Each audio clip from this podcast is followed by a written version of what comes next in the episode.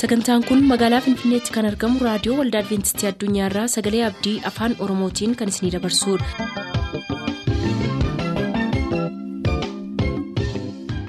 jaalala gammachuu eebba waaqayyoo kan isiniif hawwinu kabajamtoota dhaggeeffattoota keenyaa attam jirtu sagantaa isin eebbisuu jennee hundaa qabannee dhiyaanneerra amma xumuraatti nu waliin tura sagantaa ilaa filaameedhaan sagantaa keenya jalqabna.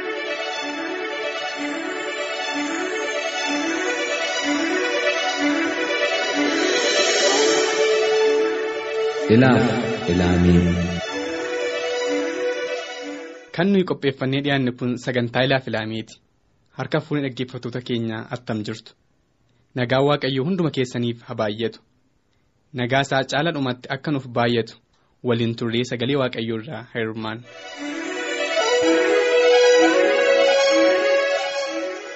yaa waaqa har'a hundumti keenya sirratti gajjan maqaan kee ammam akka jabaa ta'e hubanneerra maqaan kee hundumaafuu da'oodha lafatti baqatanii oolan iddootti haara galfatan kanaafuu yaa waaqa nuyi maqaa kee ol qaban si jajachuunis nuuf ta'a ol jechuun kee nuuf humna. Kanaafuu amma daarii biyya lafaatti kan maqaa kee hin beeknetti ni odeessina. Ati waaqa keenyaaf fayyisaa keenya akka taate dhugaa ba'uun mudaa keenya hundumaatti nu qulleessa. Kanaafuu ati ol ol jettee kan jiraattu warra kaanitti dhugaa ni baana. Galataaf ulfina qabannees fuula kee duratti ni dhiyaanne jaalala bara baraan karaa ilma kee gooftaa yesuusiin nu jaallattee ta'u. Kunis fannifamuu isaatiin nuuf mirkanaa'e. Kanaaf yaa waaqa maqaan kee hammaaf haa galatoomu utuun isin jaallattee nu jaallatteetta harara keetiin gara ofii keetitti nu butte nuyi nama gadii turre. Garuu siisa waaqaaf lafa uume wajjiniin michoomneerra kanaaf waan jennu hin qabnu galatoomi duwwaa. Ijoollee mana kee keessa jiraatan taaneerra iddoo qulqullaa'aa kana situ nuuf laate warra boojuu hirmaatanis taaneerra lolicha kan mo'e si irreen mul'ates kan keete kan boojuu hirmaatee galee garuu karaa keenya irraa sitti laadhanneerra gufuu fuula keenya duraa buqqisi saba kee mana waldaa kee eebbisi mogoleen amantii keenyaa haa jabaatu mo'icha har'as kan ijoollee keetii haa ta'u. daawit jedheera macaafa faarfannaa boqonnaa torbaatamii sadii lakkoofsa saddeet irratti waa'ee koof yoo ta'e garuu waaqayyotti dhiyaachuun anaaf gaariidha jedha yaa waaqayyo gooftaa hojii kee hundumaa himuudhaaf andoosii godhadheera. Anaaf garuu waaqayyotti dhiyaachuun gaariidha jedha lafaaf waaqa kan uume yaa gooftaa si kan bantii waaqa irra jiraatan kan lafa keessa jiraatanis kan uume si nus uumaa harka keetiiti fakkaattii bifa kee. Kan nu baasu kan nuuf ta'u situ nuuf laate. si galateeffan irreen kee gaachana bara baraati maqaan kee gimbii guyyaa rakkootti baqatanii oolaniidha maqaan gaariis si biraa argama. Kottaa gara koo gadi baasee isin hin gatuu nuun jetteetta. Arjaaf garraamii akka taate nus barreerra. Kan nuyi har'asiif dhiyeessinu galata duwwaadha. Nuyi namoota badee barbaacha dhabee turre amma garuu simatamneerra. Akka nama gaariif nama jabaa isaatiitti. Nuyi jabaa miti. Gaarummaas yoo ta'e guyyaa tokko waan gaarii hojjennee hin beenu. atumti waan tola taateef siin tolaa taaneerra gaarummaa qabna jennees ittiin of hin jajnu gaariin si duwwaa akka ta'e macaafni qulqulluun dhugaan ba'a. Yaa waaqa tolli keenya muufaa baarsaati. Nuyi garuu siin abaaramoo walleerra? Kanaaf yaa waaqa bara baraan maqaan kee kan galateeffame haa ta'u.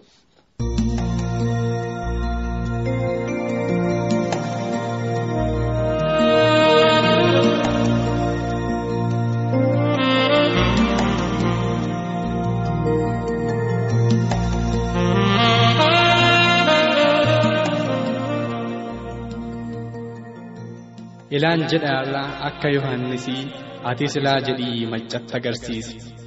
Ilaa walaa waaqayyoo kan balleessu cubbuu biyya lafaa gara isaa ilaalaa yoos yakki keessa nafaa anarraa baraa ani garraamiidhaa gara laafessasii kottaatii boqodhaa jireenyaa ni argattu asii.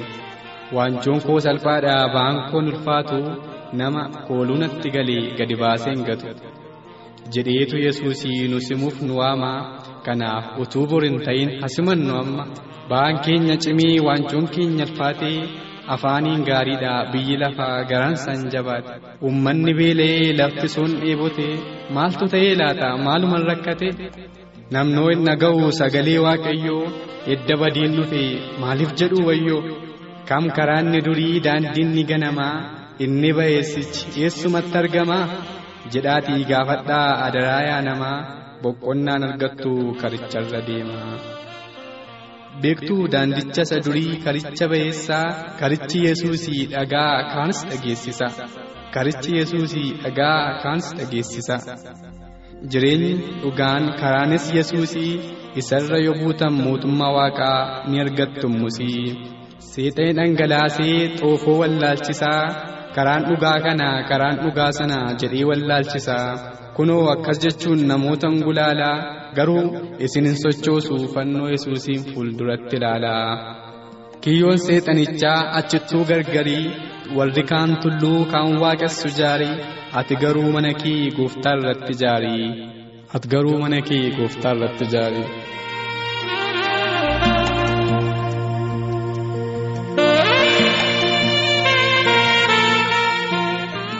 Dhaggeeffattoota keenya sagantaan irraaf qopheeffannee dhiyaanne asuma irratti xumurre waan nu wajjin turtaniif guddifnee isin galateeffanna waaqayyo isin haa eebbisu nagaa.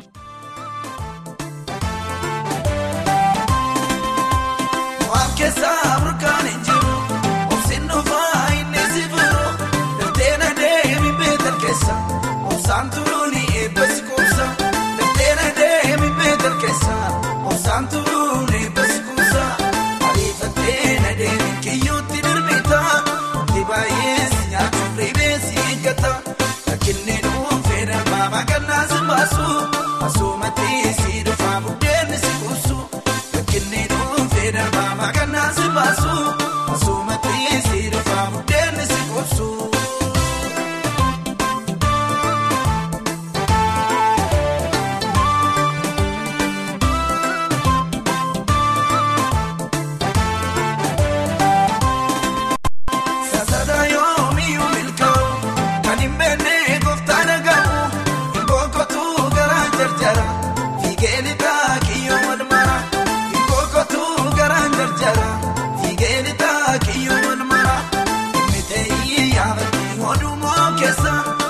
gurra ishee kan kennite simannaa qilleensa maatii gurraatee baatee taatee maala yeessa mul'ata maalee deemu badduu nama baasa.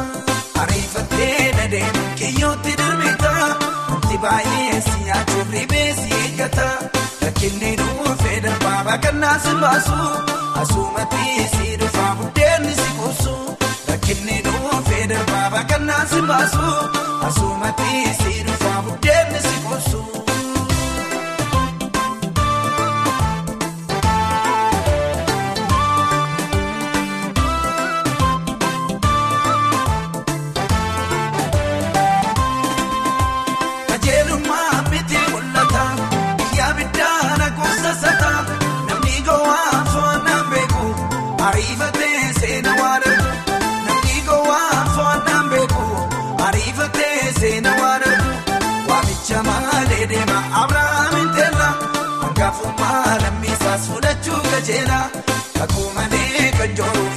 Irbaata gidhiira ariifateetu fudhatee sodomiif gamoora. Kan ijisaa jaallate saamichaa fudhate dhumarrattis maatiisaaf qabeenya saagate ariifattee na deemin kiyyootti darbita wanti baay'ee si nyaachuuf ribee si eeggata rakkinni dhuunfee darbaa baaqannaa si baasu asumatti si dhuunfee darbaa baaqannaa si baasu asumatti si dhufaa buddeenni si kuusu.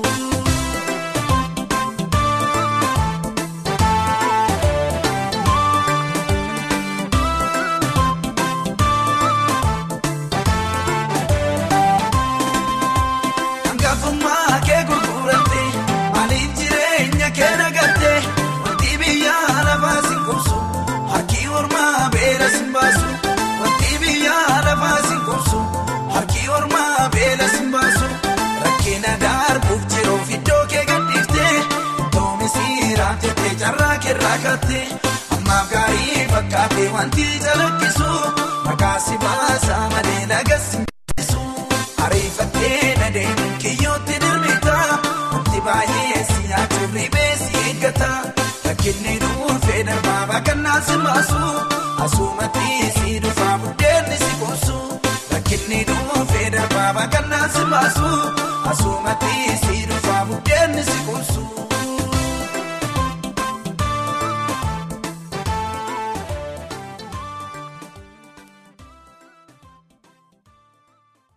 kan turtanii raadiyoo keessan banattaniif kun raadiyoo waldaa adventistii addunyaadha sagalee abdii.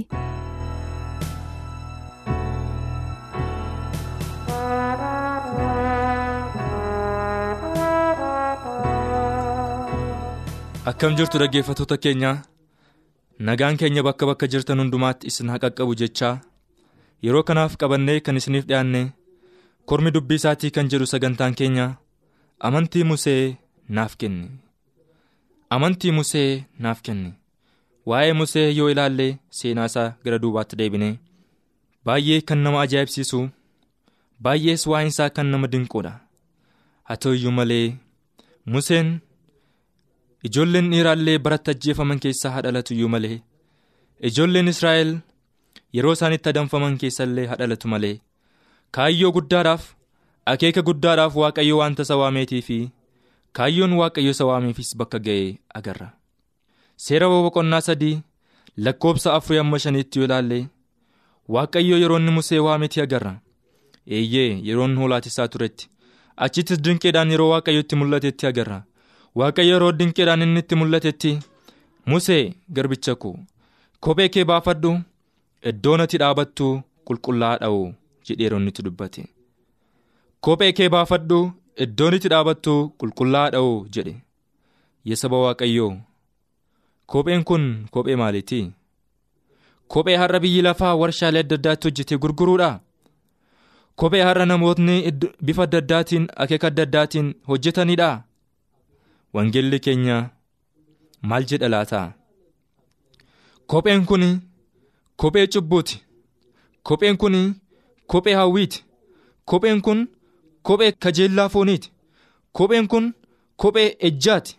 Kopheen kun kophee jibbaati. Kopheen kun kophee morkiiti. Yaa saba waaqayyoo. Har'as garbicha waaqayyoo museetti kan dubbatame tokko tokko keenyatti dubbatamaa jira. iddoo isin dhaabattan iddoo qulqullaa'aadha. Iddoon kun kophee keessan kaa'attanii dhaabachuun isiniif hin ta'u. Kanaaf kophee keessan baafadhaa jedheetii nutti dubbata yeroo sana kan waaqayyoo isatti dubbate innis kophee isaa erga baafatee booda iddoo qulqullaa'aa sanatti waaqayyoo isaa haasofsiise isatti mul'ate har'as yaa saba waaqayyoo kophee cubbuutti hiikamne hawwiif kajeellaa ejja albaadhummaa. halalummaa jaalala biyya lafaa yaada foonii yaada adda addaatti yeroo hiikamne jennutti waaqni keenya abbaan keenya sagalee guddaadhaaf akeeka guddaadhaan nutti dubbata nutti mul'ata. Iddoo nuti dhaabannu iddoo qulqullaa'aadha yaa saba waaqayyoo waaqayyoon arguudhaaf har'as taanaan immoo nus jireenya foonitti hiikamuu qabna. Hawwiif kajeellaa biyya lafaa hawwii fooniif kajeellaa foonii gatuu qabna. kana hundumaatti hiikamne malee kotota kana hundumaa baannee fuula waaqayyoo arguu hin dandeenyu eeyyee raajii isaayyaas boqonnaa shantamii sagal lakkoofsa tokko kaastanii yoo dubbifattan hirree waaqayyoo fayyisuudhaaf hin gabaabbateere gurri isaas dhaga'uudhaaf hin duudeere iji waaqayyoos arguudhaaf hin jaameere miti. Cubbuu keessantu anaaf isin gidduutti golgaatee jiroo jedha. Yaa saba waaqayyoo akka waaqayyoon hin agarre kan godhe. Hirree waaqayyoo jireenya keenya keessatti akka inni hin hojjenne kan godhe. dinqii waaqayyoo jireenya keenya keessatti akka hin hojjenne kan godhe. Eebbi waaqayyoos nurra akka hin buune kan godhe cubbuu nuti hojjenne jirudha dhiiga harka keenya keessa jirudha akkuma raajii isaayyaas boqonnaa tokko lakkoofsa kudha afur irratti dubbatu yaa saba waaqayyoo yeroo kanatti cubbuu keenyatti haa dhiqannu. Yakka keenyatti haa deebinu. Waaqayyo yeroo kana kan inni nu haasofsiisuu danda'u. Yeroo inni nutti mul'achuu danda'u yeroo kana. Wanta baaneef galmaan geenye kan deebi'uu dandeenyu yeroo kana. Yeroo nuti hirree waaqayyoo amanannu. yeroo nuti jireenya fooniitti addaan baanu. Hirreen waaqayyoo jireenya keenya keessatti mul'ata. Ofii keenyaafis kan waa'ee baasan taana namoota warra kaaniifis kan waa'ee baasan taane kan nuti mul'achuu dandeenyu qorumsi museetti karaa baay'ee irra ga'ee ture. Haa ta'uyyuu museen amantii isaatti gara booddeen deebine.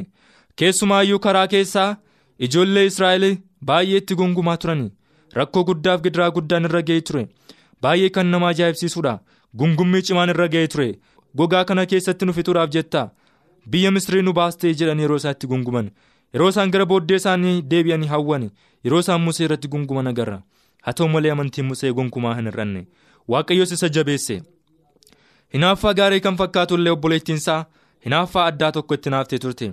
Waaqayyo musee wajjin malee nu wajjin hin haasa'uu nutti immoo hin dubbatuu jettee yeroo isheen hinaaffaa addaa tokko hinaaftee agarra. Hinaaffaan kun irri isaa gaarii fakkaatu malee hinaaffaa jal'inaa tureera. Haa ta'u malee yeroo lamxiin ishee rukutetti museen garaa cabaadhaan amantiidhaan waan guutamee turee ammas deebi'ee kadhateef isheenis kanatti fayyitee turte. Sababa kanaaf ijoolleen israa'el baay'ee deemsa isaaniillee irraa karaa dhaabatanii akka isaan turanitti agarra.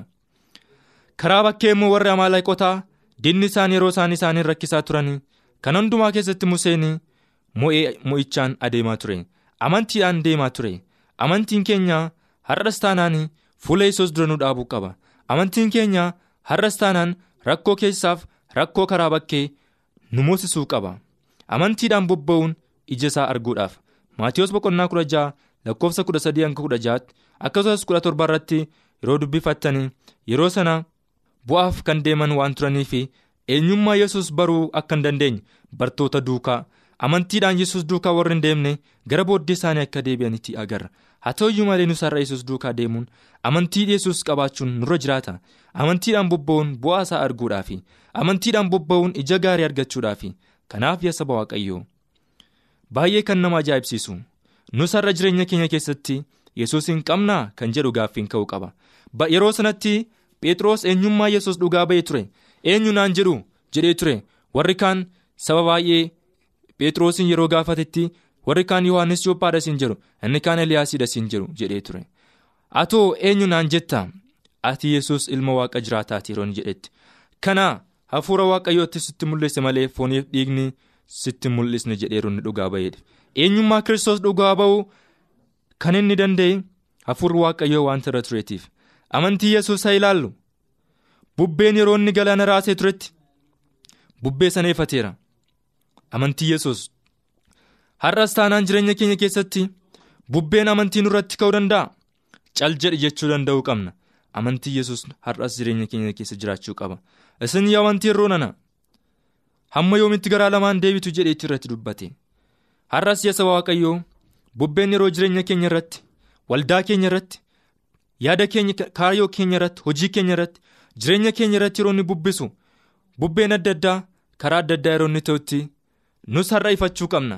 Maqaa yesuusiitiin yoo ifanne hirree cimaa kanaan gab jechuu danda'a maatiyoos boqonnaa 17 dubbifadhaa diinni yeroo ilkaan isaa qaratee nutti utaalu amantiidhaan ifachuu qabna. Eeyyee yaa saba waaqayyoo baay'ee kan nama ajaa'ibsiisudha. Mucaa tokkotu ture jedhamaal tokko. sareen guddaan tokko yeroo inni utaalee jedhutti maqaa yesuusiin ifatame yeroo inni jedhee jedhutti sareen sun ilkaansaa akka banetti yeroo nafeedha har'as diinni keenya yeroo inni ciniinuuf nutti utaalutti maqaa yesuusiin yoo abboomne yoo ifanne har'as taanaan diinni keenya homaa nu gochuu hin danda'u. Kanaaf biyya lafaa haxxeef qamaxxee ta'e biyya lafaa waraansaan goote biyya lafaa hadhaadhaan goote biyya lafaa summiidhaan goote kana keessa amantiidhaan jabaannee keessa darbuu akka dandeenyu hamma dhumaattis akka dhaabannu biyya nuuf abdachiifame sana akka dhaalluuf. gooftaan hunduma keenya gargaaru maqaa isaatiin ameen.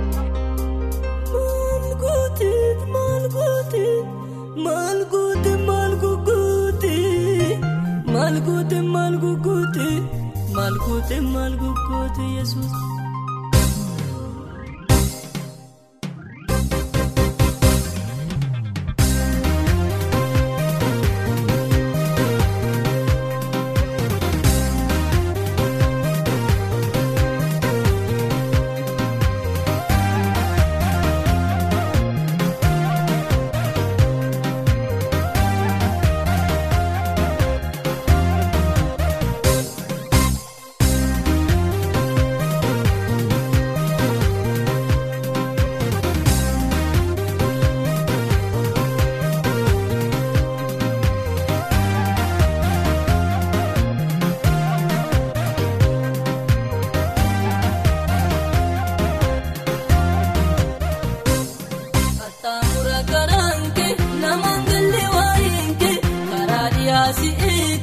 naannoo baafuu dargee yaadni keedoo kataa.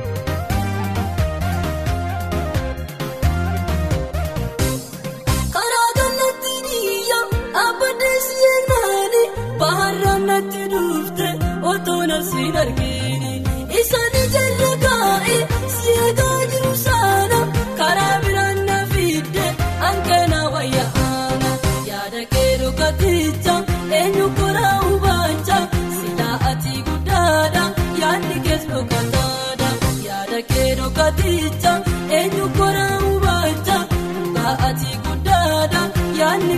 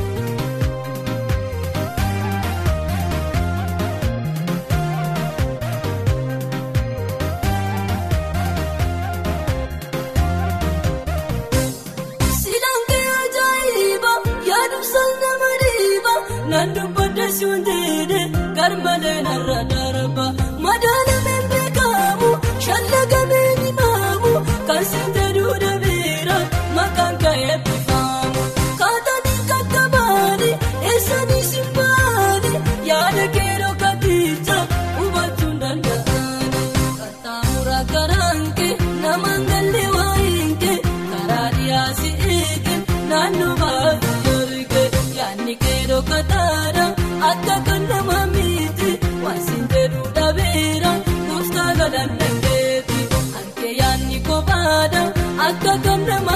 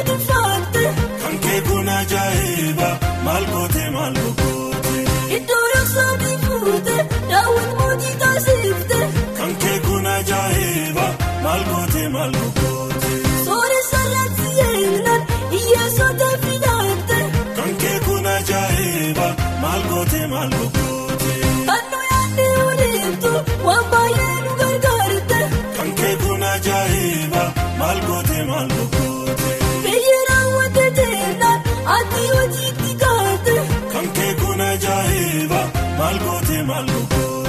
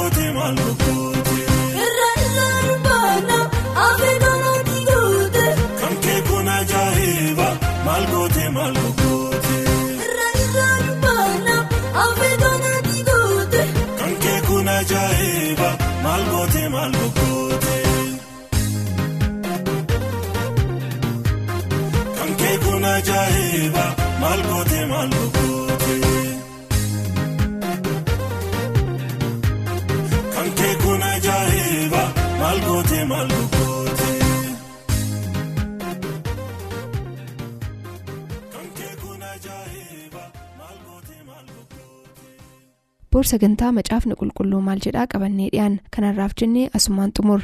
Yaada sagantaa keenya irratti qabdan raadiyoo olda adventistii addunyaa lakkoofsa saanduqa poostaa 455 finfinnee jedhaanuf barreessa. Raadiyoo olda adventistii addunyaa lakkoofsa saanduqa poostaa 455 finfinnee.